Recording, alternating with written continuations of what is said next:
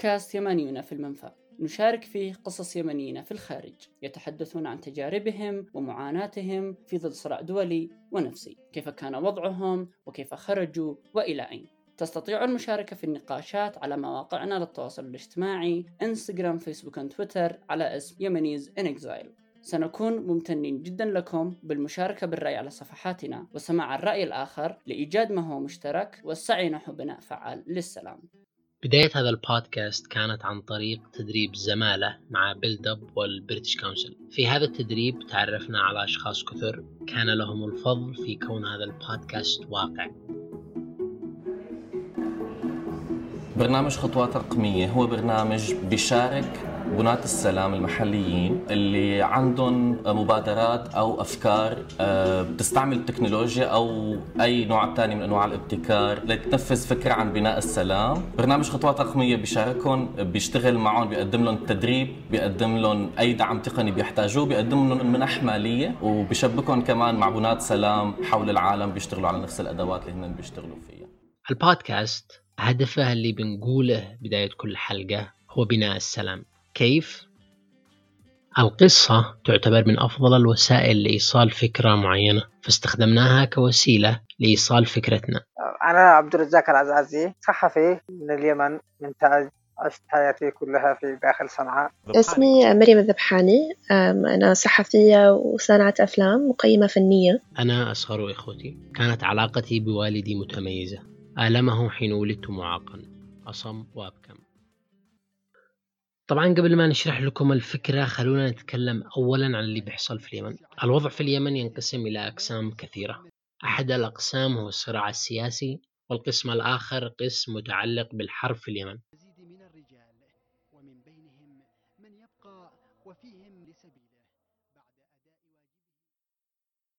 فيما يتعلق بالصراع السياسي فنحن كأفراد لنا حرية اختيار أي طرف لتمثيلنا. ولكن فيما يتعلق بالحرب وأحداثها فالوضع أكثر تعقيدا. يتقاسم معه الخوف والهزيمة. أما أعداد القتلى والجرحى ففي تصاعد مستمر من طرفي القتال.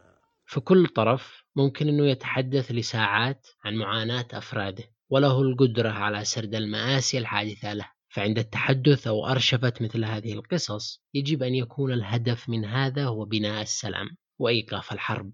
لأنه لن يكون هناك إضافة سياسية باستخدام مآسي يمكن لأي طرف استخدامها لصالحه. والسبب الآخر والأهم هو لعدم تعميق الصراع من حرب في الميدان إلى حرب بين أفراد المجتمع. حرب وأحقاد وكراهية لن تتوقف مع توقف الحرب بل يمكن أن تستمر لأجيال وهذا هو الخطير.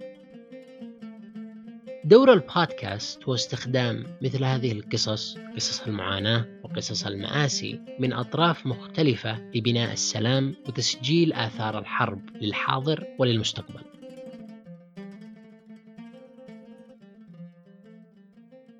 خلونا نبدأ نتكلم عن طريقة صناعة الحلقات بداية بكيف نوصل للقصص إلى النشر على منصات البودكاستنج طبعا وصولنا للقصص يعتمد بشكل رئيسي على محيطنا. حتى أن الحلقة الأولى كانت مع شخص معنا في التدريب التابع لبلد أب لأنه أنت خلاص أنت الآن لحظاتك الأخيرة في داخل اليمن جالس تعيشها. اليمن اللي اللي أنت تشوف العالم بكفة وتشوفها بكفة. يعني هي مش مجرد بلدك وبس بالعكس أنت ابن الأرض ممكن تعيش في أي مكان لكن اليمن لا مختلف. فيها ذكرياتك اللي عشتها في عمرك كله. فيها أصدقائك اللي أنت أصلا تعتبرهم هم الوطن بالأساس. تترك هذه اللحظات كذا في مشهد وداعي أخير وأنت جالس تشوف كذا كل شيء أمامك يرحل. فكشخصين فقط بيشتغلوا على القصص وبيبحثوا عنها. تواصلنا مع ناس كثير من طلاب في الخارج إلى صناع محتوى إلى مهاجرين بسبب الظروف وغيرهم. ولكن للأسف غالبا في مثل هذه الأعمال المرتبطة نوعا ما بالسياسة يكون في تخوف وهذا شيء بنتفهمه.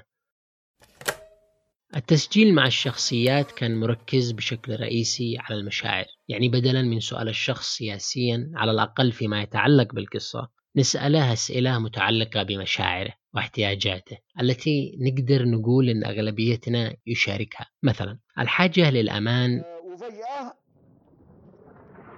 جاء الصاروخ الثاني على القاعة. كنت أنا في حين سمعت صوت الصاروخ الثاني فامتديت على بطني وحطيت أيدي فوق حط في اللي اللي بيجي في البيت يهدم الكعبة ويكسرها كذا بعدين يموت واحد في البيت. والحرية. الصحيفة كانت في البداية عبارة عن منشور يتكون من ثمان صفحات A4 العدد الأول الثاني والعدد الثالث أصبحت صحيفة في المصطلحات الصحفية تسمى تابلويد. متوزعة على خمس محافظات. كانت فقط صحيفة شبابية تناقش قضايا المرأة تناقش قضايا الطفولة مع الحرية الفكرية مع حرية المجتمع في اتخاذ قراره في قول ما يريد في فعل ما يريد. وهذا طبعا وأنا, وأنا ما زلت في داخل الجامعة. فكان يسبب صدام طبعا. الصدام كان بشكل كبير أولا مع الطلاب ثانيا مع المدرسين في داخل الجامعة. وطبعا يعني آه، لكل شيء ثمنه. تعرضت لمشاكل كثير في داخل الجامعة. أهمها كان إيقافي عن الدراسة وتهديدي بالقتل. والوصول للتعليم. ففرصة أني أدرس في جامعة أمريكية تعتبر من أفضل عشرين جامعة في العالم في بالنسبة للإعلام. الشيء اللي حلمت أني أدرسه وما قدرتش أدرسه في اليمن إنه أقدر أقدم وأدرس وأحصل على دعم يعني من ناحية منحة دراسية من ناحية سكن من ناحية فوائد أخرى. كان شيء حفزني وزي أعاد لي الحياة يعني أعاد لي شوية أمل إنه وغيره من احتياجاتنا وحتى مشاعرنا حول هذه الحاجات. مشاعر من لا يملكون أساسيات العيش. تجمعنا بغض النظر ما هو رأينا السياسي حول ذلك. كنا آه، قلقين أنه كيف ممكن نفرض هذا الشيء. يعني في الأخير إحنا بدون خبرة في المقابلات أو حتى البودكاستنج فكيف نضمن أن هذا هو صياغ الحديث؟ بالذات مع أصحاب رأي سياسي. يعني بعد الحديث عن أحداث حصلت ومرتبطة بالسياسة بشكل رئيسي كيف يمكن أن يكون بناء السلام هو صياغ الحديث؟ ولكن بعد ما كنا نتكلم مع الشخص حول قصته ونسأله بعدها عن مشاعره واحتياجاته كانوا يتكلموا بشغف حول هذا. لأنه في سياق الحرب والصراع من النادر السؤال حول المشاعر والاحتياجات. دائما نسأل إيش رأيك بالسياسة هذه أو القرار هذا؟ ونادرا ما نسأل عن ما نشعر أو نحتاج جميعا كبشر.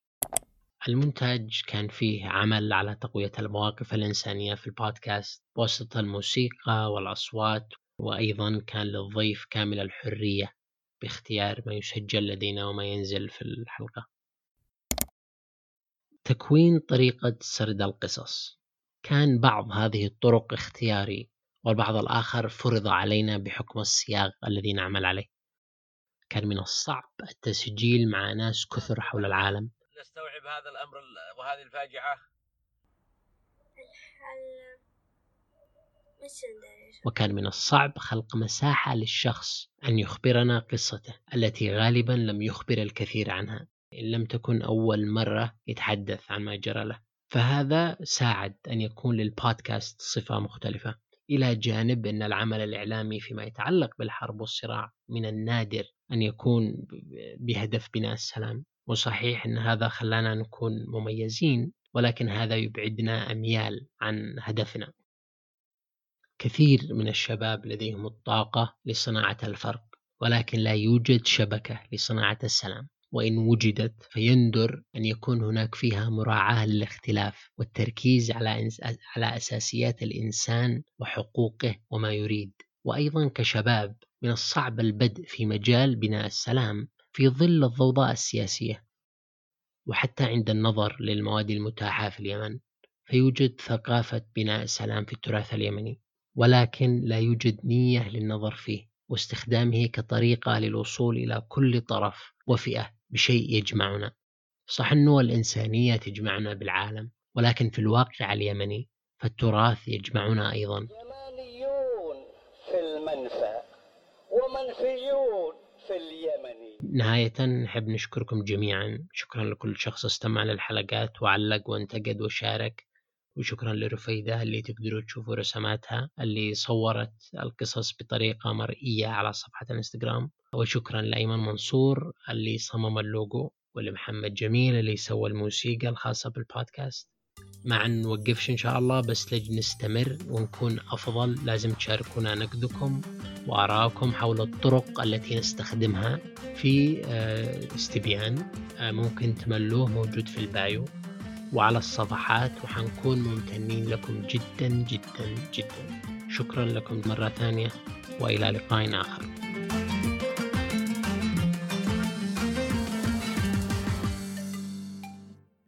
تستطيعوا المشاركة في النقاشات على مواقعنا للتواصل الاجتماعي إنستغرام فيسبوك تويتر على اسم Yemenis in Exile سنكون ممتنين جدا لكم بالمشاركة بالرأي على صفحاتنا. واستماع الرأي الآخر لإيجاد ما هو مشترك والسعي نحو بناء فعال للسلام. وإذا معكم قصة حابين تشاركوها تقدروا تتواصلوا معنا عبر صفحاتنا في مواقع التواصل الاجتماعي. وحيرد عليكم واحد مننا أنا أو مازن.